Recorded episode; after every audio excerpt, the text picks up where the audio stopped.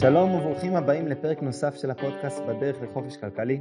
אני נדיב, גיא נמצא היום באוקראינה ולכן לא יהיה איתנו בפרק הזה, אני בעצמי נמצא ברמת הגולן במילואים, אז אני מתנצל מראש גם על כך שגיא לא פה איתנו וגם על איכות השמע שהיא קצת פחות גבוהה. אני מקווה שאיכות הפרק תפצה על כך. אז אנחנו באמת עסקנו הרבה בפודקאסט לאחרונה בעניין של חוב, והדבר הזה הזכיר לי באמת אמירה מפורסמת של רוברט קיוסקי מהספר שלו אבא עשיר ואבא עני, בו קיוסקי באמת מבחין בין דרכי ההתנהגות של אנשים עשירים ואנשים עניים, ואחד הדברים שהוא מתייחס אליהם הוא היחס שלהם אל חוב. ולטענתו של קיוסקי, אנשים עשירים אוהבים לקחת חובות, אבל הם לוקחים חובות לטובת השקעות בנכסים פיננסיים שעתידים לעלות בערכם עם הזמן ולשלם תשואה פירותית, ואילו אנשים עניים לוקחים חובות בשביל הצרכים של היום והעכשיו. הצעקי היא, כמובן תיקחו חוב טוב ואל תיקחו חוב רע. ואני זוכר שמאז שקראתי את הספר אבא עשיר אבא אני, באמת הדבר הזה הלך איתי, ומה שגיא ואני מבינים יותר לאורך הזמן, שהאמירה הזאת של קיוסקי היא נכונה בבסיסה, אבל היא לא מספרת את כל הסיפור, והאנשים העשירים באמת, האבא העשיר באמת, לפי המטאפורה הזאת, יודע שחוב טוב וחוב רע זה לא נגזרת של במה אני משתמש בחוב, אלא איך אני משתמש בחוב, ואת זה אני רוצה להסביר בפרק הזה. עכשיו, אני רוצה שתדמיינו איתי מצב שאני אדם שיש לו מיליון שקל שמושקעים בשוק ההון, ואני עכשיו צריך לקנות אוטו. האוטו שאני הולך לקנות, שאני צריך, הולך לעלות לי 100 אלף שקל. בעיניי, האבא העני, מה הוא היה עושה? הוא היה מוכר מתוך תיק המניות שלו סכום של 100 אלף שקל, היה בעצם מממש את המניות שלו ב-100 אלף שקל, ומשתמש בכסף הזה לקנות רכב. עכשיו, בפעילות הזאת הוא בעצם, בעצם קרו שני דברים שהם שליליים מבחינה פיננסית. קודם כל, הוא היה צריך לשלם מס רווחי הון, בישראל זה מס של 25% על הכסף שהוא משך. אז אם הוא משך 100 אלף שקל מהתיק שלו בשוק ההון, לא יהיה לו בנטו בכיס 100 אלף שקל, כי כנראה יהיה לו על זה גם מיסים לשלם, אז הוא יצטרך לממש יותר מ-100 אלף שקל של החזקות, אולי אפילו הרבה יותר. ומצד שני הוא היה צריך גם לממש, זאת אומרת נזק נוסף שקרה, זה שהמניות שהיו עד עכשיו בבעלותו, הרבה מהם כבר לא בבעלותו, 100 אלף שקלים של מניות כבר לא בבעלותו, הם בבעלות של מישהו שהוא מכר לו את אותן מניות, ולכן יש פחות כסף שעובד בשבילו. ולכן הפתרון של האבא העשיר מתחבר מאוד למה שדיברנו בפרק הקודם, על היכולת שלנו לקחת הלוואה כנגד הקרנות שלנו בשוק ההון, בין אם מדובר באפיקים פנסיונים או קרנות שהן לא באפיקים פנסיונים, שמאפשרות לנו לקחת הלוואה בריבית מאוד מאוד זולה, סוז וחצי, ולאנשים עשירים גם בהרבה פחות. ואנחנו, מכיוון שאנחנו לא מממשים את המניות, אנחנו לוקחים הלוואה כנגדם, אנחנו מצליחים ליהנות משני הדברים שאותו אבא, אני, אבא פחות חכם פיננסית, בעצם היה צריך לשלם. אנחנו גם נהנים מזה שאין לנו מס רווחי הון, כי לא מימשנו אלא רק לקחנו הלוואה כנגד. נכון, אנחנו נשלם ריבית, אבל הריבית תהיה מאוד מאוד נמוכה, בטח ביחס ל-25% של מס רווחי הון, ומצד שני, הנכסים שלנו ממשיכים להיות מושקעים, זאת אומרת הכסף שלנו ממשיך להיות מושקע בנכסים פיננסיים ומניב לנו עוד תשואה. אז עכשיו אם אני חושב על זה בצורה כזאת, לאותו אדם שצריך לקנות אוטו ב-100 אלף שקל, יש שתי אפשרויות. יש לו כסף שיושב בשוק ההון ומניב בוא נגיד תשואה היסטורית של שוק ההון 7%. אם הוא יכול עכשיו לקחת הלוואה באחוז וחצי בשביל לקנות את האוטו וכך להשאיר יותר כסף מושקע בשוק ההון, הוא בעצם נהנה מאותו ארביטראז' שדיברנו עליו הרבה, בין כמה הכסף שלי מרוויח וכמה הכסף שלי עולה לי. ואם הוא יכול ליהנות מאותו ארביטראז', ברור שמבחינה פיננסית הצד הנכון בשבילו הוא לקחת הלוואה לטובת הרכישה של האוטו הזה. עכשיו, גיא ואני הרבה פעמים אמרנו לאורך הפודקאסט שאנחנו, כשאנחנו באים ליטול הלוואה, אנחנו קודם כל רוצים לדעת שיש לנו השקעה טובה, ואנחנו לא ניקח הלוואה סתם. ואנחנו כמובן עדיין עומדים מאחורי האמירה הזאת, אבל אנחנו רוצים להרחיב קצת את מה יכול להיחשב כהשקעה טובה. כי בסיטואציה הספציפית הזו, שאני בכל מקרה צריך לקנות אוטו והוא הולך לעלות לי 100 אלף שקל, והאופציה היחידה שלי היא או לממש מניות או לקחת הלוואה כנגדם, מבחינה פיננסית, ההשקעה הטובה ביותר שלי היא לקחת את אותו כסף זול, את אותה הלוואה באחוז וחצי ריבית, בשביל להשאיר יותר כסף שעובד בשבילי בשווקים הפיננסיים וממשיך להניב לי תשואה. אז תשימו לב, כל ההגדרה הזאת של קיוסקי פתאום מתחילה להתערער. עכשיו, אני לא היחיד שמבין את הדבר הזה, עשירי העולם כבר הבינו את זה מזמן, והם משתמשים בזה באגרסיביות, בעיקר מאז שהריביות הן ברמה אפסית, קצת יותר מעשור הריביות מאוד מאוד נמוכות. הדבר הזה יוצר שינויים בכיצד חברות ציבוריות מתגמלות את בעלי המניות. אם פעם היה מאוד נפוץ שחברה ציבורית מתגמלת את בעלי המניות בדיבידנדים, בעצם שזה חלוקה של הרווחים, היום הרבה מאוד חברות נמנעות או ממיתות בדיבידנדים ונכנסות הרבה יותר ל-buybacks. buybacks, רכישה עצמית, אה, זו פעולה פיננסית שחברה משתמשת בהון הנזיל שלה בשביל לקנות את המניות של עצמה, בעצם להוריד חלק מהמניות מההיצע הכולל, ובכך להעלות את מחיר המניות הקיימות שלא נקנו על ידי החברה. דיברנו על, ה, על, ה, על המושג הזה באמת בפרק אה, לאן נעלמו מניות הדיבידנד. ובעקבות כך, מה, ש, מה שקורה זה שיש הרבה מאוד מתח ציבורי. כי האנשים הרגילים, שאין להם תיקים מאוד מאוד גדולים בשוק ההון, אין להם מספיק כסף שמושקע בשוק ההון בשביל שהם יוכלו את הצרכנות השוטפת שלהם לקחת בהלוואה בריבית נמוכה.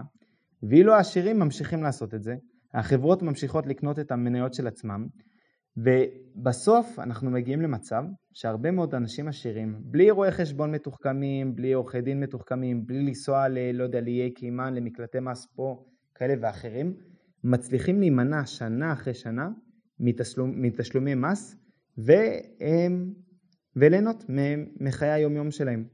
עכשיו, אני לא רוצה להיכנס באמת לשאלה החברתית פה, כי יש פה שאלה חברתית ולא ברור לי בכלל שהשיטה הזאת תהיה אפשרית עוד כמה שנים. אמ, אני יודע שרגולטורים בכל העולם מנסים לחשוב כיצד אפשר לחייב אנשים לשלם מס גם אם הם לא מימשו רווחים בפועל בשוק ההון. אלא לקחו רק הלוואה כנגד, יש רעיונות של לקחת אה, מס כנגד גובה הנכסים של אנשים. זו, זו שאלה סבוכה, זו שאלה סבוכה, וגם הנושא הזה הוא לכאורה לא כל כך רלוונטי למי שבדרך לחופש כלכלי. מכיוון שכדי שאני אוכל לקחת סכום משמעותי, שאני יכול גם לחיות ממנו את חיי היומיום שלי כנגד התיק שלי בשוק ההון, אני צריך שיהיה לי תיק מאוד מאוד שמן, תיק מאוד גדול בשוק ההון. כשגיא ואני ניסינו לחשב מה צריך להיות שווי התיק של בן אדם שרוצה, בואו נגיד למשוך 300 אלף שקלים בשנה כנגד התיק שלו כל שנה בשביל לממן את המחיה השוטפת שלו, הגענו לכך שהמספר צריך להיות איפשהו בין 5 ל-8 מיליון שקלים, לא של שווי של אותו אדם, אלא של בטוחה שיושבת בחשבון ה brokerage של הברוקר. אמ, זאת אומרת, אנשים מאוד מאוד עשירים. עכשיו אני רוצה באמת לגעת בסיכונים של הדבר הזה. אם אתם זוכרים בפרק הקודם, גיא דיבר באריכות על הנושא של margin call. margin call זו סיטואציה שהברוקר אומר לך, תשמע, היחס בין ההון עצמי שלך לסך הנכסים שאתה מחזיק אצלי כבטוחה הוא יחס נמוך מדי. וכשהיחס הזה נמוך מדי, אני מרגישה בסכנה על הקרן שלי, בעצם על הכסף שהלוויתי לך, ולכן אני מתחילה לממש אותך, אלא אם תזרים עוד כספים או תממש בעצמך. בדרך כלל הדברים האלה קורים בתקופות אה, שהכלכלה במצב לא טוב, שהשוק אחרי נפילות, בעצם בזמן שאנחנו הכי לא רוצים לממש. עכשיו תחשבו על זה ככה, בסדר? אנחנו באמת דיברנו שהנוסחה פה זה הון עצמי חלקי סך הנכסים שיושבים כבטוחה. אנחנו רוצים שסך הכל כשאנחנו נחשב את המרג'ין שלנו, את ההלוואה שלנו, אנחנו נגיע ליחס שלא יורד אף פעם מ-30%. ה-maintenance margin, כמו שקוראים לזה, הוא בדרך כלל 30%. עכשיו, כשאני לוקח הלוואה לטובת צרכנות, אפשר להסתכל על זה בצורה מסוימת, כאילו לקחתי הלוואה, השקעתי כסף והפסדתי את כולו. כי תחשבו על זה. אני עכשיו קניתי, לקחתי הלוואה כנגד תיק ההון שלי, וקניתי מניה של אפל, והמניה של אפל ירדה לאפס, אז ברור שהפסדתי את כל הכסף שלקחתי בתור הלוואה. אם לקחתי כסף בתור הלוואה והשתמשתי בהם בשביל לקנות ארוחת ערב במסעדה, מבחינה פיננסית אותו דבר קרה. מה שבסופו של דבר אומר שהסיכון של לקחת הלוואה לטובת צרכנות הוא יותר גבוה, ולכן כנגזרת מכך גם האחוז שאני יכול לקחת כהלוואה כנגד התיק שלי צריך להיות אחוז יותר נמוך בשביל להימנע מאותו מרג'ין קול ואני אדגים את מה שאמרתי עכשיו, בסדר? בואו נדמיין אדם שיש בבעלותו תיק בשוק ההון ששווה אלף שקלים, בסדר? והוא עכשיו רוצה להיות חכם פיננסית ולוקח 400 שקלים כנגד התיק שלו, בעצם 40% משווי התיק, לוקח 400 שקלים ומשקיע אותם גם כן בשוק ההון. יום אחרי שהוא עשה את הפעולה הזאת, זאת אומרת יש לו 1,400 שקלים מושקעים בשוק ההון, יום אחרי הפעולה הזאת, שוק ההון קורס ב-50 זאת אומרת שהתיק הזה שהיה 1,400, היום שווה 700. עכשיו, ה-700 האלה, חלקם שייכים לו, וחלקם שייכים ל brokerage. למעשה, אם הוא לקח הלוואה מה brokerage של 400 וכל מה שנשאר זה 700, סימן שההון העצמי שלו זה רק 300. זאת אומרת ההון העצמי שלו ירד מ-1,000 ל-300 בקריסה של השוק. ואם אני אחלק באמת את ההון העצמי שלו, שאמרנו שזה 300, חלקי סך הנכסים שיושבים בתיק, סך הבטוחה, שזה 700, שזה שווי סך התיק, אני מגיע ליחס של 42 אחוזים. 42 אחוזים זה קצת מסוכן, אבל זה עדיין לא מכניס אותי ל-maintenance margin call, שזה אמרנו ב-30 אחוזים ומטה. עכשיו בואו נחשוב על אותו בן אדם שיש לו אלף שקל שנמצאים מושקעים בשוק ההון וגם הוא רוצה לקחת 400 שקל כנגדם בהלוואה אבל הוא בשונה מהדוגמה הראשונה רוצה להשתמש בהלוואה הזאת לצרכנות הוא רוצה ללכת למסעדה נחמדה עם אשתו. עכשיו יום אחרי שהוא הלך למסעדה ונהנה שוק ההון קרס שוב ב-50% אבל הפעם סך ההון העצמי שלו הוא 100 שקלים, מכיוון ששוק ההון ירד ב-50% אז התיק ירד מ-1,000 ל-500, כי 400 שהוא לקח כהלוואה הם נשרפו מבחינתו, הם הלכו למסעדה, התיק שלו ירד ל-500, הוא לקח הלוואה של 400 לברוקר, הברוקר לא מוכן לוותר על ההלוואה שהוא נתן לו, בעצם ההון העצמי זה 500 מינוס 400 שווה 100. אז ההון העצמי של אותו אדם הוא עכשיו 100, חלקי סך הנכסים בתיק שהם עכשיו 500 כי התיק נחתך בחצי. ולכן יחס המינוף שלו פה הוא 20 אחוזים, המרג'ין שלו. ואמרנו משהו מתחת ל-30 אחוזים כבר מכניס אותנו למרג'ין קול וסיכון.